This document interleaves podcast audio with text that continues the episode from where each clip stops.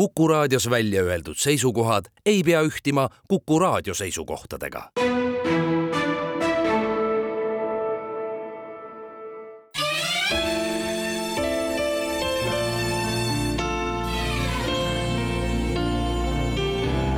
nädala raamat. Nikolai Berdjajev, Venemaa saatus, tõlkinud Hillar Künnapas Postimehe kirjastuselt head kuulajad, Kuku selle nädala raamatuks on Venemaa ajalooraamat, mille pealkiri on Venemaa saatus. selle on kirjutanud Nikolai Berdjajev, selle on tõlkinud Hillar Künnapas ja toimetanud ja korrektuuri teinud Leino Pahtma. välja on antud see Postimehe kirjastuses sellel aastal. seda raamatut tutvustan ma oma hea kolleegi Andres Herkeliga sel nädalal ja tere, Andres! tere! mis on omapärane, on see, et Berdjajev oli nagu minu jaoks teada autor, küll lihtsalt teada, lugenud seda ei olnud. Ja nüüd, kui ma seda lugesin, siis tegelikult on selles raamatus ju kokku võetud üsna lühikese ajavahemiku. kaheteistkümnenda, eelmise sajandi siis kaheteistkümnenda kuni kuueteistkümnenda aasta lood, artiklid, mis on pandud siis üheks tervikuks. Ja see sukeldumine sinna tekitas minus küll väga vastakaid tundeid ja kui sa oskad natukene avada, kes see Berdjajev autorina üldse on? no Berdjajev, ma arvan, on üks äh, kõige silmapaistvamaid vene filosoofe siiski. aga sellesse raamatusse sukeldumine, see on ikkagi noh, niisugusest vene ideest, vene mõttest ja tõesti maailmasõja ja, ja tuli ka Vene revolutsioon peale selles keerises kirjutatud üsna keerulisel ajal. Äh, Nikolai Berdjajevi esimene tulemine eesti keelde oli siis, kui hakkas ilmuma meil uuesti ajakiri Akadeemia. sellest on nüüd möödas juba üle kolmekümne aasta ja siis äh, Jaan Isotam tõlkis niisuguse teose nagu Vene kommunismi lätted ja tähendus. Ja selle kirjutas Berdjajev juba eksiilis olles äh, tuhande üheksasaja kolmekümnendatel, kolmekümne seitsmendal aastal see raamat ilmus. Nõukogude ajal ta oli, ta oli raskelt keelatud autor ikkagi, kuni selleni välja, et Peeter Torop, professor Torop, kes kindlasti teaks Berdjajevist paremini rääkida kui meie siin kahekesi kokku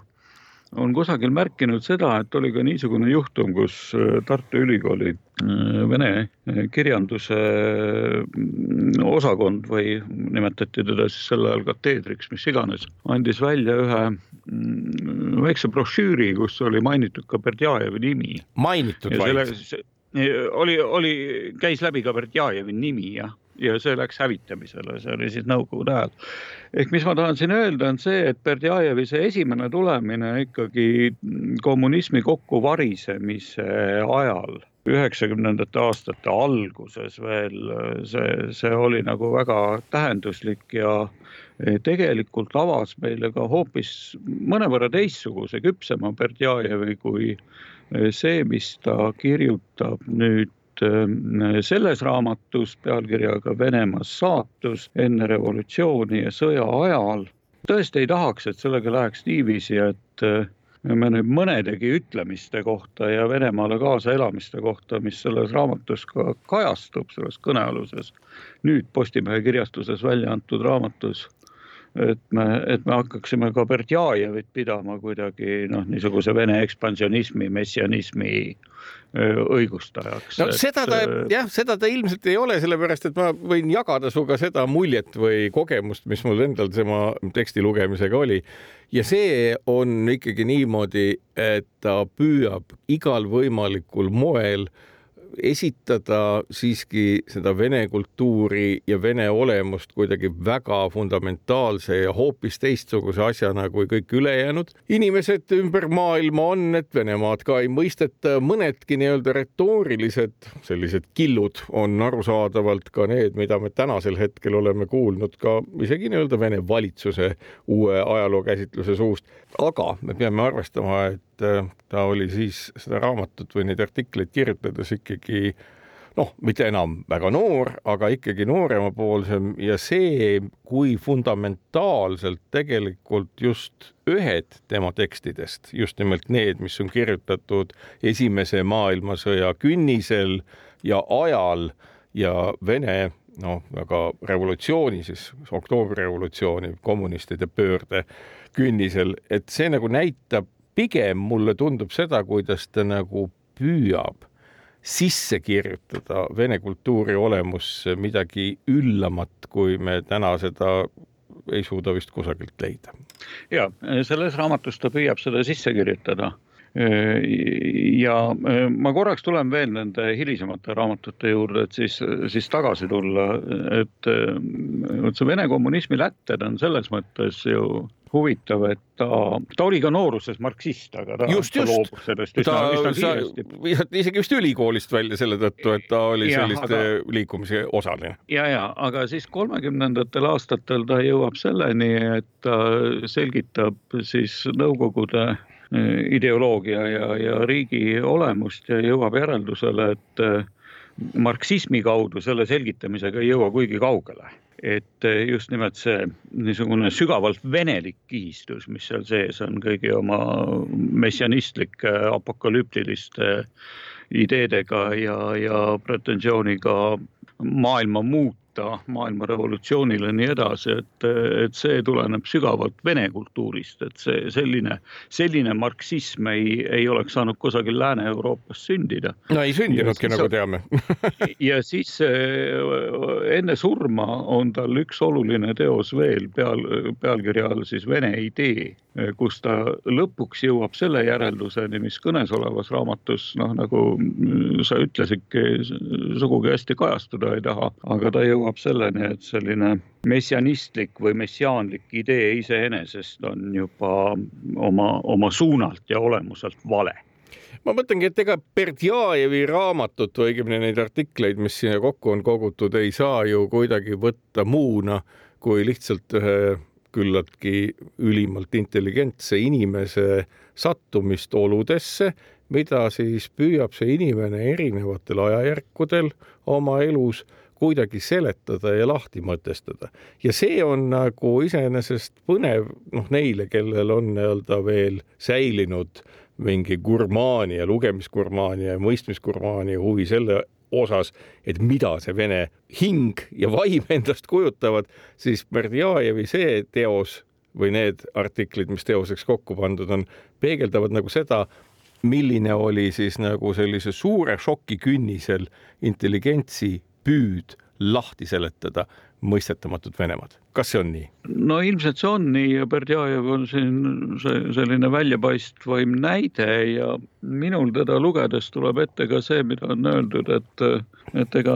Venemaal nagu selline vene hinge avav filosoofia ja ilukirjandus on kusagil eh, mingil kombel teineteisele väga sarnased, et ega see Berdjajevi stiil ongi niisugune, on öeldud, et väga emotsionaalne sisaldab endas vastuolulisi ootamatuid pöördeid, et ja, ja samas on noh, on nagu niisugust afekti ja dogmaatikat seal, et ta on huvitav lugeda, kuigi võib-olla mõne asja puhul tundub, et ta jääb seda liiga pikalt seletama aga selles aga... ajas oli see ilmselt nii pikka seletamist aga need on ka vaja. erinevad artiklid, need Just. on ka erinevad artiklid, nii et kõike tulebki uuesti otsast seletada ja, ja ma veel kord kordan, et ajas tema niisugused poliitilis, ideoloogilised, ühiskondlikud ja rahvuslikud vaated ka mõnevõrra muutuvad. edasi aga räägime juba oma saate järgmises osas. head kuulajad, Kuku selle nädala raamatuks on Nikolai Berdjajevi Venemaa saatus, katsed kirjeldada sõja ja rahvuse psühholoogiat. see on tegelikult artiklite kogumik, mille on vene keeles tõlkinud Hillar Künnapas ja toimetanud Leino Pahtmaa. mina, Marek Strandberg ja mu külaline Andres Herkel seda raamatut ka sel nädalal lahkame. Berdjajevi eluloos on üks huvitav aspekt või seik, et eh, ka lahkus ta ju ikkagi kahekümnendatel aastatel Venemaalt, õigemini ta ei lahkunud, ta saadeti välja. aga see on omapärane sellepärast, et eh, Berdjajev arreteeriti mõni aeg pärast seda suurepärast jutumärkides revolutsiooni Venemaal ja kuulati teda korduvalt üle. väga paljudega, kes olid teisiti mõtlejad, nii hästi ei läinud nagu Berdjajeviga. Berdjajevit olevat üle kuulanud Dzeržinski ise ja ma hakkasin mõtlema, kui ma seda lugesin, äh, seda asjaolu, et temaga on nii juhtunud ja siis ka seda raamatut, Berdjajevi oma, siis mulle tundub, et äh, kas võib olla nagu see, et ellu jäeti kõnealune isik valdavalt selle tõttu, et nii mõnedki ideed, mis nendes artiklite kogumikes ja tema senistes avaldatud asjades, ütleme siis kahekümnendate aastateni sees olid, iseenesest kommunistidele meeldisid seesama nii-öelda võikus, mida tänasel päeval Vladimir Putingi kasutab, on ju nendes tekstides ka näha. seal ei räägita sellest, et äh, nii-öelda Vene olemus erineks kuidagi mongoli-tatari olemusest, vaid öeldakse, et Venemaa on võidelnud mongolitega. Ja kogu see, kogu see mudel, mis nagu hilisemas ajaloos nagu kirjeldustes, eks võib-olla, et Berdjajev võeti ellu lihtsalt selle tõttu, et vaadati noh, ma ei oska öelda, et teda on raske nimetada kasulikuks idioodiks, aga kasulikuks intelligendiks, et kes kannab edasi seda plaani, mis kommunistidel ilmselt juba tuhande üheksasaja seitsmeteistkümnendast ja võib-olla juba varasemast ajast oli. ma ei ole päris kindel, et teda ja tema taolisi taheti tingimata sellel ajal hävitada, siiski tuhande üheksasaja kahekümne teine aasta ei olnud mitte kolmekümnendad aastad. see ei olnud veel, veel Stalini aeg aga mõnes mõttes võib-olla saab siin paralleeli tõmmata sellega, mis Venemaal toimub praegu, kui eriti suure lainega nüüd see, see asi hakkas pihta äh, Ukrainas sõja alustamisel, aga möödunud aasta septembris ka mobilisatsiooni ajal, kui kui inimesed lihtsalt põgenesid Venemaalt ja, ja tundus niiviisi, et Kremlile ongi kasulik vastalistest lahti saada. no mobilisatsiooniga hakkasid põgenema tavalised inimesed, aga tegelikult äh, intellektuaalide elu oli juba, juba enne, intelligentsia elu oli enne juba kibedaks tehtud ja, ja paljud olid lahkunud või kes ei lahkunud, nendega on läinud ka niimoodi nagu Vladimir Karamursaga näiteks, kes on, kes on vangis. Nendega, kellel on tõsisemad plaanid, nemad aga... visatakse vist akendist välja lihtsalt, jah? ja seda ka juhtub, aga, aga tuleme nüüd tagasi nende, nende filosoofide juurde, et Venemaa tolleaegses ajaloos on läinud käibele ju üks selline mõiste nagu filosoofide laev või filosoofide aurik et see asi käis kuidagi hoopiski niiviisi, et äh, nad kõik koguti kokku, lasti pesupaari ja sokid kaasa võtta, vara konfiskeeriti ja pandi laeva peale ja saadeti riigist lihtsalt minema. et see filosoofide aurik on niisugune üldmõiste äh, tegelikult saadeti neid välja ka rongiga ja erinevates suundades, äh, aga tuhande üheksasaja kahekümne teise aasta septembris tõepoolest üks laev saadeti teele siis äh, Saksamaale, kui ma ei eksi, Stettinisse, äh, mille peal oli ka Berdjajev, see oli võib-olla see kõige, kõige silmapaistvam nii-öelda filosoofide aurik, neid oli veel. Ja neid läks ka Mustalt merelt ja nagu ma ütlesin, ka rongi peale pandi inimesi. ja äh, väidetavalt nüüd vähemalt kättesaadavad allikad ütlevad, et ta muide sõitiski välja sama laevaga, kus peal oli ka Ivan Iljin ka, ka, ka tema pages kommunistide eest või, või pandi kommunistide eest põgenema, kes kujunes hiljem Putini lemmikfilosoofiks ja, ja noh, tõepoolest arendab sellist väga, vägagi ksenofoobilist äh, maailma nägemist muuhulgas ka ukrainlaste kui rahvuse suhtes. Äh, nii et neid oli, neid oli palju äh, nad koondusid ja grupeerusid veel hiljem ka emigratsioonis olles ja mm, on üks niisugune suund äh, Vene mõttes ju nagu Euraasialus või noh, mis ütleb, et me ei ole ei slavofiilid ega läänlased, vaid, vaid äh, lähtume sellest, et Venemaa peab domineerima,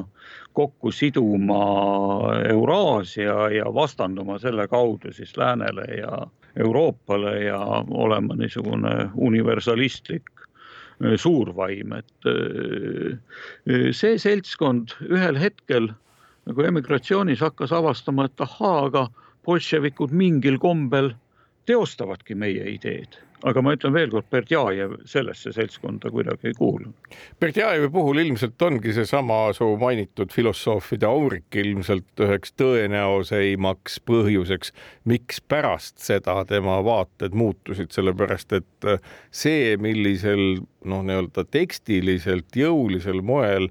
ma ei oska öelda, kas nüüd enam-vähem kõiki tekste, mida siit lugeda, võib panna Vene propagandist Solovjovi suhu, aga väga paljusid igal juhul sobiks sinna panna ja ma kujutan ette, et äh, kui ta seda juba teinud ei ole, siis ilmselt ta võib-olla mingil hetkel teeb, kui tal elupäevi jätkub. aga nii-öelda see muutus, ma saan aru, mis äh, sellisel ühiskonna suhtes tundlikul inimesel nagu Berdjajev vaieldamatult on noh, kui kardinaalselt tema mõttesuund muutub, et äh, juba selle tõttu tasub seda raamatut lugeda, milline on Berdjajev siis ja milline on Vene äh, maailma mõttes tippfilosoofi retoorika ennem filosoofide auriku peale asumist. kas see võiks ja üks, üks üks naljakas vahemärkus siia, et üks äh, tsiteeritumaid äh, autoreid selles raamatus on ju Vladimir Solovjov. just. kes mitte, mitte ei ole see Vladimir Solovjov. see ei ole see, jah. teine väga-väga oluline vene filosoof ja, ja kirjanik, kellest siis ka äh, keda, keda Berdjajev mingil moel pidas ka oma niisuguseks eeskujuks ja jah need muutuvad, kahtlemata need vaated muutuvad, aga, aga minu meelest on ka niiviisi, et ma ütleks lugejatele, et kui te loete selle raamatu päris algust, siis mina ka nagu jahmatusin selle koha peal, et seal on tõepoolest niisuguseid suurvene, noh, ütleme šovinistlikke seisukohti ja vaateid. aga kui lugeda neid artikleid eraldi, siis Nad on jah, nad puudutavad. terviku kui, terviku kui sellise kohta ma isegi ei ütleks nii, et nad äh, puudutavad erinevaid aspekte. see on äh, mingite illusioonide kütkes oleva äh, väga hästi kirjutada mõistva ja ka hästi tõlgitud, toimetatud inimese päris köitev maailmapilt, mis sealt avaneb. ja seda enam, et sellele on Hillar Künnapas kirjutanud väga kokkuvõtva ja hea järelsõna juba sellepärast tasub seda lugeda. see on nagu äh, selline nii-öelda kirst tordil on just nimelt see järelsõna seal, aga edasi aga räägime juba oma saate järgmises osas. head kuulajad, Kuku selle nädala raamatuks on Nikolai Berdjajevi Venemaa saatus, katsed kirjeldada sõja ja rahvuse psühholoogiat. see on tegelikult artiklite kogumik, mille on vene keeles tõlkinud Hillar Künnapas ja toimetanud Leino Pahtmaa. mina, Marek Strandberg ja mu külaline Andres Herkel seda raamatut ka sel nädalal lahkame. sa mainisid huvitavat asja ühes eelmises saate osadest, kus siis kõnelesid, et tema laad on väga kirjanduslik ja avab sellega hoopis nagu teistsuguseid aspekte. ma hakkasin mõtlema, et kust see meetod mulle tuttav ette tuli ja sama meetodit kasutas ju ka Juri Lotman. Puhkudel, kui ta analüüsis Vene ühiskonda, siis tegi ta seda ju sõna otseses mõttes just nimelt vene kirjanduse kaudu, seda ka mingil määral siis arhiivis olevate asjadega võrreldes. Ja see meetod osutus üsna efektiivseks kas nüüd me saame Berdjajevi teost, mis on noh, filosoofilise ja ilukirjandusliku, õigemini siis tema artikleid, mis on sellised ilukirjanduslikud filosoofilised tekstid või vastupidi, käsitleda ka selles osas, et saada pilti sellest, milline siis oli Vene noh, nii-öelda vaimuelu sellise Nikolai teise lõpu ajal ja Vladimir Uljanovi Lenini tuleku eel no midagi ta peegeldab kindlasti sellest kirjanduslikkusest, tal on muidugi Dostojevskile ja Tolstoile palju viiteid ja need olid tema niisugused äh, väga olulised kirjanikud ilmselt tema, tema kujunemise osas, aga, aga ma arvan, et mitte ainult sellepärast, et seal äh, peegeldub ka äh, kõigepealt sõja suhtes. Mingi niisugune suhtumine sõjasse, mida ma ei oska praegu käigu pealt kuidagi teisiti nimetada kui peaaegu metafüüsiline, et sõda kui miski, mis annab arengule ka tõuke, mis, mis, mis puhastab, mis loob. No, me, me elame inimõiguste ajastul praegu Just. ja selle Ukraina sõja juures ma peale Tuugini mul isegi ei meenu, kes noh, nagu niisugust narratiivi väga üritaks kasutada tänapäeval. aga sellel ja... ajal tundus see kuidagi, kuidagi nagu täitsa täitsa olevat olemas ja see, see kumab ka Berdjajevil läbi. muide, tahtsin siia vahele juba segada, segangi nüüd nüüdisaegsed arheoloogid ja ajaloolased, noh, kuna on väga palju väljakaevamisi, mis viitavad selle peale, et niisugused linnalised tsivilisatsioonid olid olemas juba aegu ennem, kui inimesed põlluharijateks muutusid siis on arutama hakatud nagu selle üle, et mis on siis nagu see peamine tegur, mis põhjustas äh, ühiskondade arengu ja muutumise ja noh, loomulikult koolis õpetatust me teame, et loomulikult see oli põllumajandus, mis äh, suretas välja no nii-öelda vanaaegsema küttimise ja koriluse. nüüd täpsemad arheoloogilised uurimused viitavad selle peale, et see ei pruugi üldse nii olla ja selleks teguriks, mida mõni mõnedeski ajaloo arutlustes tuuakse, on just nimelt see, et mitte, mitte asjaolu, et põldu hakati harima ja ühiskond muutus kuidagi keerulisemaks, vaid väga kurblooliselt on jõudnud paljud ajaloo uurijad järeldusele, et just nimelt kiviaja ajaloo uurijad, et selleks võis olla võime ja valmidus pidada sõdu, mis muutis ühiskondi, mis on muidugi nii-öelda jälle vesi sellisele vene mõtlemise veskile, aga iseenesest äh, meie maailma osas, kus me mõtleme natukene teistmoodi, üsna õõvastav mõelda selle peale. Äh, aga Venemaa oli sel ajal siis äh, sõda kaotamas ja sealt ilmselt tuli ka juba esimene nihe Berdjajevi vaadetes, sest ta ikkagi oli seisukohal, et Venemaa peab sellest sõjast nii kiiresti kui võimalik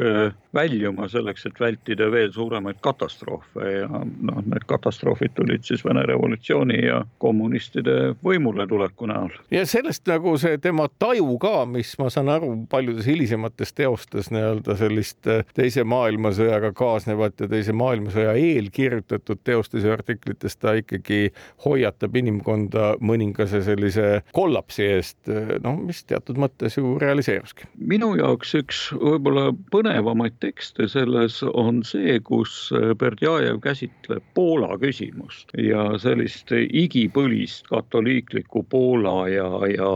õigeuskliku Venemaa vastuolu, mida ta käsitleb nii-öelda slaavlaste peretülina, mis on, mis on traagiline ja miks see eh, niimoodi on läinud, ainult et seda, seda lugedes ma kogu aeg mõtlesin, et kas,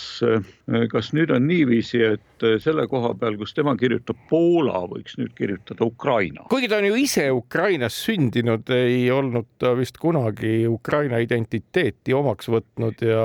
ja, ja tal ta,, tal oli mingisugune Poola juur, Prantsuse juur väga selgelt. ja, ja üks vanavanematest oli Ukrainat ma ei, ma ei ole kuulnud. ta on sündinud, ta on sündinud seal. ta on sündinud Kiievis jah ja,? Kiievis sündinud, täpselt aga noh, ta jah, seda nii-öelda maad omaks ei võetud, võib-olla siis toona oligi see, et sünnimaad ei võetud omaks, vaid päritolu käis ikkagi nii-öelda vereliine pidi, aga jah, ega selles raamatus on väga raske leida nii-öelda seda ahelat slaavi kultuuri kirjeldamisel, mida me arvame täna teadvat, mis ikkagi hakkab peale sealt Kõivi Russi kandist, mitte Moskva alt, eks. ja selles osas, ega see ajaloopilt, mida ta kajastab, on ju ka mõnevõrra nihkes. nüüd üks asi veel, mis on minu jaoks natukene, äkki sa aitad selgitada nii minu kui lugejate jaokski lahti seda, et tegemist on ju kirjeldatult eksistentsialistliku filosoofiga, noh, üsna sellise filosoofia suuna kandja, mis on personaalne, isiklik ja samal ajal on tegemist inimesega, kelle tekstides väga tugevalt jookseb läbi religioossus, seesama vene õigeusu teema, selle oluliseks pidamine. kuidas need kaks asja üldse nagu kokku istuvad, ega ma ei oska öelda, kas maailma kõik eksistentsialistid on olnud, olnud ka nii-öelda siis nii-öelda ateistid või, või mitte? ei tea, nii nagu nad vene filosoofia puhul istuvad, et ma arvan, et äh, Berdjajev ei ole selles mõttes sugugi ainus näide, ta võib-olla on, võib-olla on üks kõige silmapaistvamaid näiteid ja teda on jah peetud ka kristlikuks eksistentsialistiks ja isegi, isegi slavofiiliks, kuigi noh, kohati tundub, et see on mitte, mitte väga täpselt peale pandud. aga võib-olla siinkohal peab mainima seda, mida me ei ole varasemates saadetes maininud, et äh, lisaks Vene kommunismi ja Vene idee ja Venemaa saatuse käsitlusele kokku kolmes erineval ajal kirjutatud raamatus on tal ju terve rida äh, teoseid veel ja neist vähemalt kaks on ka eesti keeles ilmunud, siis äh, inimese orjusest ja vabadusest ning loomingu mõte ja kui sedasi lühidalt kirjeldada tema, tema vaateid, siis tema, tema keskne mõiste on üldse vabadus, mitte niisugune ontoloogiline olemine, vaid, vaid just vabadus on see tingimus, milles saab realiseeruda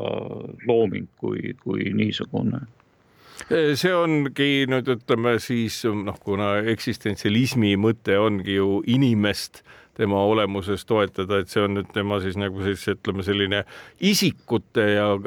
üksikisiku teema, aga ma ei ole, vot minu häda ongi selles, et ma ei ole Berdjajevi teisi raamatuid lugenud, aga et sinu kogemus, et kas ta siis ikkagi e, jääb oma ühiskonna käsitluses, noh, kus on ikkagi paljusid inimesi ja riike puudutavad teemad, jääb ta siis ikkagi selliseks nii-öelda kosmopoliidiks või euraasopiiliks või kuidas me seda nimetame? ta tegelikult äh, analüüsib ju neid dihhotoomiaid ja ta püüab lahata,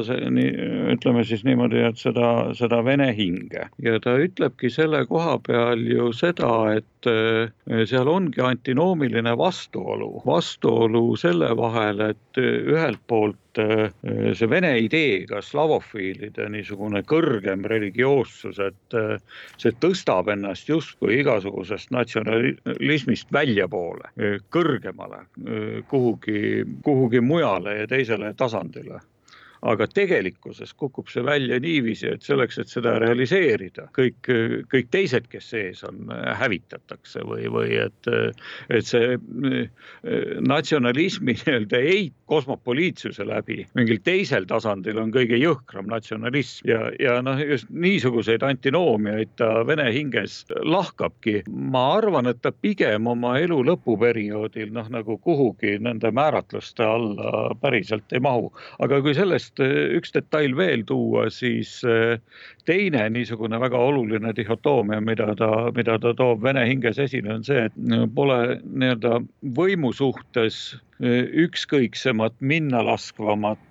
rahvast kui venelased, niisugune võimukauge. noh, alandlik võib olla, aga, aga üldiselt võim on midagi, mis väga ei lähe korda ja selle, selle, selle suunas suuri pingutusi ei tehta, aga samal ajal on loodud hiiglasliku riigi haldamiseks kõige, kõige kohutavam võimuaparaat. edasi aga räägime oma saate järgmises osas. head kuulajad Kuku selle nädala raamatuks Venemaa saatus, kirjutanud Nikolai Berdjajev, tõlkinud Hillar Künnapas ja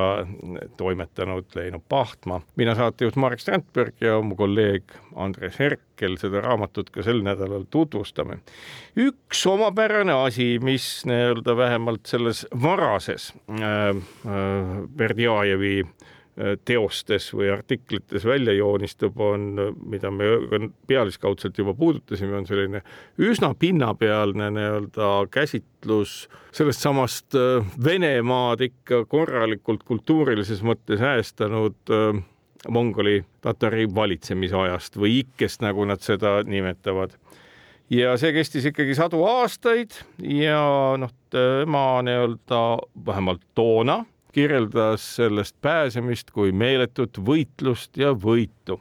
nüüd üks teine ajaloolane, kes nüüdisajal kirjutanud Venemaast häid ülevaateid nagu Orlando Figes,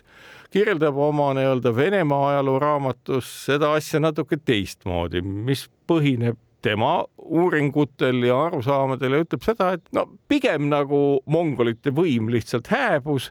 ja kõik, mis oli selles mongolite võimus nii-öelda sellist, millega sai rahvast kontrolli all hoida, noh, vot sama asi, eks ole, et ülimalt efektiivne bürokraatlik ja kontrollimehhanism, äh, mis hoidis inimesi ka võimust eemal, et nad võtsid selle lihtsalt kasutusse. kas Berdjajev, kuna sa, saan aru, oled ka neid teisi asju talt lugenud jõuab ka sinnamaani, et äh, see ei olnud mitte pääsemine mongolite käest, vaid mongolite mudeli lihtsalt kasutusse võtt ja nii-öelda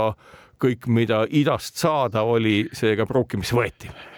jään vastuse võlgu, sellepärast et ega ma ikkagi kõike ei ole lugenud ja mul ikka ei tule ka seda teost silmi, sirvides nüüd tõesti ette, ta läheb sellest mongolite asjast kuidagi üle. ja ta läheb üle kuidagi et nagu tema, häbi ta, või millegi tõttu, jah. ta, ta, ta läheb üle, ta läheb äh,, tal on üldse üks kummaline arusaam, mida noh, ma arvan, äärmiselt tore või naljakas oleks, kui meie kaasaegsed feministid arvustaksid tema teost seda, kus ta käsitleb Venemaad üdini naiseliku noh, niisuguse. eidelikuna, nagu ta ütleb ise. eidelikuna heidab väga, väga. teisele filosoofile Rosanovile ja nii edasi. ja et see eidelikkus ei ole endale ajaloos leidnud noh, nagu sellist peigmeest, kes kes annaks kõige parema tulemuse, aga see hakkab peale, mida ta kirjeldab ta kirjeldab seda, et esimesed olid varjaagid ikkagi, et see müüt on olemas, et äh, mongoleid äh, mina oma selle sirvimisega selles raamatus ei pannud üldse tähele see on huvitav küsimus. ta mainib luge, seda ikkagi nagu. lugeja vastust otsida, aga hiljem ta jõuab selle äh, juurde, et mis on nagu selle Venemaa naiselikkuse äh, katastroof, äh, et järgmine väga halb peigmees oli germaani kultuur, kes surus peale niisugused võõrad elemendid, millega millega Venemaa ei ole kõige paremini toime tulnud või, või mis on tekitanud noh, niisugust sisemist kaost pigem juurde. siin ongi mingisugune, ma ei leidnud ka sellest raamatust nüüd toona, noh, me peamegi seda raamatut või neid artikleid käsitlema ilmselt ikkagi kui omaaegset visiooni sellest, millesse Venemaa on sattunud ja kuhu ta edasi läheb, selles mõttes nii-öelda sellel üle aja kestvat asja ei ole ja mis no, mind ja, jah, ütle palun. no see, see on väga omaaegne selles mõttes, et seal äh, tulevad üldse nagu niisugused mõisted nagu slaavi rass ja germaani rass ja ütleme noh, nagu tänapäeva sellises teaduslikus mõisteaparaadis äh, noh, üsna välja arvatud asjad. kusjuures ta rõhutab seal veel ka sedasama aarialikkust, eks ole, väga jõuliselt ammu ennem seda, kui, kui nii-öelda eugeenika no. oma nii-öelda riikliku aluse sai hiljem. ja mis võib-olla oli sellel ajal saksa indoloogidel ja, ja kusagil noh, mingites kultuurihoovustes ta, ta võis neid asju lugenud olla päris kindlasti, aga, aga see saksa aarialikkuse rõhutamine noh, tegelikult kasvas ju samast kultuuripinnasest, aga mis mulle tuli nagu väga tuttav ette, oli siis see suur äh, Vene Euraasialuse suurkuju, kes äh, veetis äh, väga suure osa oma elust erinevatel aegadel Nõukogude vangilaagrites, Lev Gumiljov, siis Nikolai Gumiljovi ja Ahmatova poeg, kes kirjeldas ju põhimõtteliselt ka sarnaseid asju, et et ongi niisugused erinevad rassid või tsivilisatsioonid või rahvad, mis vaheldumisi ajalugu vedurina edasi viivad ja Venemaal on seal teatud kohustus. kui, kui Euroopa ära väsib ja degradeerub ja sakslased enam ei jõua, siis on venelaste kord ja siis tuleb see Gumiljovi passionaarsuse mõiste, mida muidugi Berdjajevil sellisel kujul ei ole, aga põhimõtteliselt tundus mulle siin noh, nagu mingisugune väga selge eh, hingesugulus ja, ja noh, muidugi see ka eh, nagu ma ühes eelmises saates ütlesime, et eh, poolakaid ja erinevust poolakatest ta meenutab, aga põhimõtteliselt räägib ta ju ainult suurrahvastest. on mainitud küll, et üheksateistkümnes sajand oli ühe korraga nii kosmopolitismi kui rahvusliku ärkamise aeg aga ega ta seda tähele ei pane, et see Venemaa tohutu territoorium, mis ulatub Kaug-Itta välja, et seal on kümneid ja sadu rahvaid vahel, keda Venemaa on noh, lihtsalt alla surunud. kas võib siis öelda ikkagi, et Berdjajev oma nooremas eas ehk siis enne Venemaalt väljasaatmist või Nõukogude Liidust väljasaatmist oli ikkagi ka väikest viisi sellist nii-öelda nende tahvlite raiuja, mille peale oli kirjutatud ikkagi sellesama Vene maailma, russki mir'i ideoloogia. no mingid mõjutused kindlasti, me ju praegu räägime sellest, et mida Lermontov kirjutas Kaukaasia sõdadest ja mida Puškin või noh, rääkimata Dostojevskist, mida nad kõik on kirjutanud ja eriti puhtaid poisse noh, väga ei leia võib-olla Tšehhov kusagil oma sellise no, omamoodi maailma suhtumisega, et eh, kindlasti tal need allusioonid on olemas ja ma jõuan võib-olla tagasi selle juurde, mida ma päris esimeses saates äh, mainisin, et tegelikult ei tahaks, et ainult see raamat äh, kujundab arusaama Berdjajevist, et Vene kommunismi lätted ja tähendus ja Vene idee, eriti tema, tema viimane teos enne surma, seal ta jõuab juba teistsuguste järeldusteni kuni messianistliku või messiaanliku sellise idee eituseni, et see üldse on täiesti vale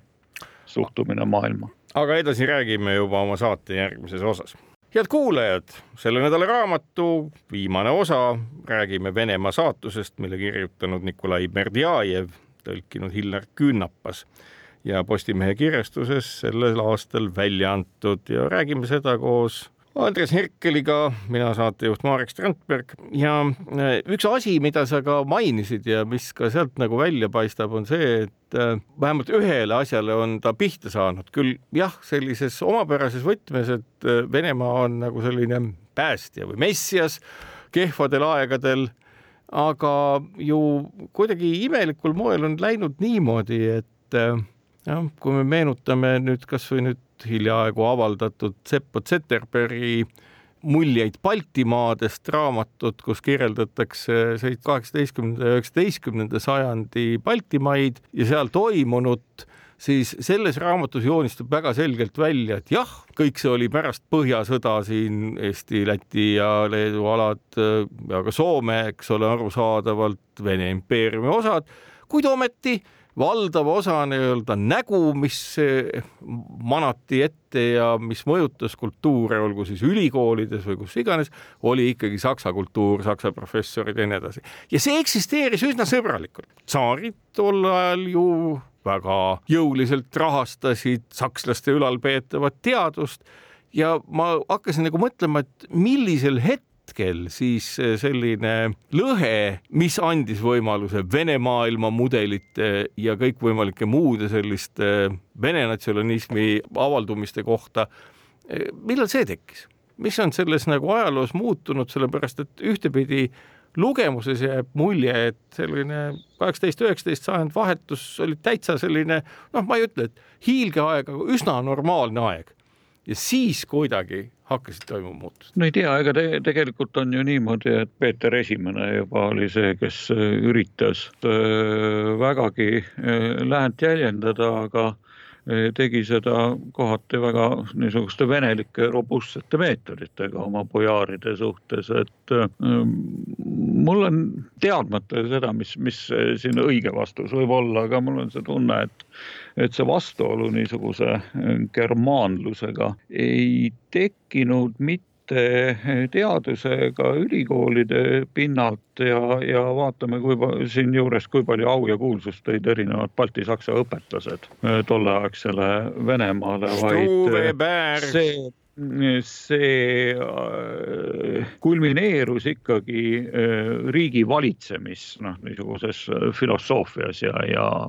äh, mentaliteedis. ja, ja see on olnud siis ikkagi nii-öelda seesama, mida sa ka väga tähelepanelikult nagu märkisid, on see, et venelased ise rahvana on võimust eemal, aga võimutruud ja selle tõttu näibki olevat, mida ka Berjava käsitleb, näibki olevat võimalik selline asi, et valimistel oma arvamust ei avaldata või avaldatakse arvamust, mida peetakse õigeks selle tõttu, et keegi ütleb, mis on õige ja selle tõttu me ei näegi vene kultuuris, Nõukogude kultuuris ja nüüd uuesti vene kultuuris sellist äh, loomupärast demokraatiat ja ka vabadust, mille eest ma saan aru, Berdjajev väga on oma hilisematest kirjatükkidest seisnud. no demokraatia ja vabadus on muidugi ka kahekümnenda sajandi jooksul väga palju muutunud, et ega, ega see Lääne-Euroopaski on teinud läbi äh, tormilisi pöördeid, aga äh, mul tuleb siin meelde siin ühes artiklis ta käsitleb Konstantin Leontjevit, kes on ka üks vene, vene mõtleja ja nii-öelda vene, vene hinge filosoof ja sellelt seisukohalt ja mulle tundub, et ta mõtleb Leontjeviga kaasa või samas suunas, et, et sellesse hingelaadi kuulub nagu see, et venelane ei pea olema aus aga, aga ta arvab, et ta on püha. Ja, ja see tunnetus on nagu niisugune pühaduse tunnetus, mis tuleb sakraalsest äh, õigeusust ja aga, aga, aga see, et äh, päriselt aus peab olema, noh, et see äh, ei ole üldse niisugusel kesksel kohal, nagu see lääne kultuuris siiski normina hakkab kinnistuma ja järelikult ei ole vaja ka valimiskasti juures aus olla või, või võimuga vaielda. muuhulgas see, mida sa rääkisid, seletab ju ka seda, et väga kiired ümberorienteerumised nii-öelda noh, meie eluajal me oleme näinud seda Gorbatšovilt Jeltsinile, mis võib-olla ei olnudki nii dramaatiline lõppkokkuvõttes, sest, sest mõlemad üritasid tuua Venemaale rohkem vabadust, iseasi, mis sellest välja tuli. kumbki käsitles selline, seda täiesti erinevalt, jah. käsitlesid erinevalt jah, aga, aga see, võib-olla me saame seda peatselt näha, et kui Putini järgi tuleb keegi teine, kellest ma sugugi ei usu, et ta oleks demokraat, võib-olla lihtsalt, lihtsalt vähem hirmus. see on no, muidugi siis... omaette küsimus, et kas kui, me kui saa hästi läheb, aga et siis ümberorienteerumine võib tulla kiiresti ja hakatakse rääkima sellest, mis vigu eelmise juhi ajal tehti. ja selles mõttes nagu selliste muutuste iseloomu ja dünaamika kohta ka need Berdjajevi mõne aasta jooksul kirjutatud äh, artiklid annavad pigem aimust, jah. kusjuures jälle, kui ma tulen tagasi selle, selle küsimuse juurde, et mida me üldse arvame tänasel päeval või teame tänasel päeval ühiskondade arengust, siis just seesama uuem arheoloogia siin Türgi lõunaosas leitud äh, asumid ja nende analüüsimine ja kõik, mis muu, viitab aina rohkem ja rohkem selle peale, et inimeste ühiskondade evolutsioon on väga mitmekesine, väga variatiivne ja noh, nii-öelda ühte mustrit, et algul olid, nagu ma ütlesin juba, et kütid, korilased ja siis tuli põllumajandus ja omand ja kõik muu, ei õnnestugi rakendada, mis tegelikult avab meile silmi ka selles osas, et tõenäoliselt ka mingid muud keerukamad ühiskondlikud struktuurid, et need inimesele tahtele alluvad palju rohkem, kui me oleme ehk ette kujutanud. kui nüüd lõpetuseks küsida sult, kellel sa soovitad seda Berdjajevi raamatut lugeda, mis inimese huvi peab olema ja mille vastu ta peab huvi tundma, et just sellest raamatust vastuseid otsida? no arvestades seda, mis maailmas toimub, ma arvan, et kõigil meil ajakirjanikel, kes me, kes me paratamatult peame käsitlema Venemaa sõda Ukrainas ja selle tagamaid, selline Berdjajevi käsitluse uurimine kindlasti, kindlasti on kasulik ja, ja hea. ja nagu ma enne olen ka öelnud, selle taga tuleb näha noh, ka tema vaadete arengut ja, ja seda hulk aega varem eesti keeles välja antud Vene kommunismi lätteid ja tähendust, mis on mõnevõrra teistsuguses tonaalsuses, aga ma ei tea, siin on räägitud sellest, et vene ilukirjandus on suurepärane ja kuulub maailmakirjandusse, aga vene filosoofia just nagu ei kuulu. ma arvan siiski, et mingis mõttes Berdjajev kuulub ja, ja sellisest äh, vene mõtteloost äh, ülevaate saamiseks Berdjajev, kes käsitleb ka teisi oma kaasaegseid filosoofe rohkemal või vähemal määral oma teostes, on ikkagi väga hea ja näitlik. ja nüüd vist ka oma aja suurustest kõige enam eesti keelde tõlgitud autor. aitäh, Ander Hekelt, said tulla ja kõneleda Berdjajevi raamatust Venemaa saatus, sellega on selleks puhuks ka raamatu tutvustus läbi ja kaunist päeva teile.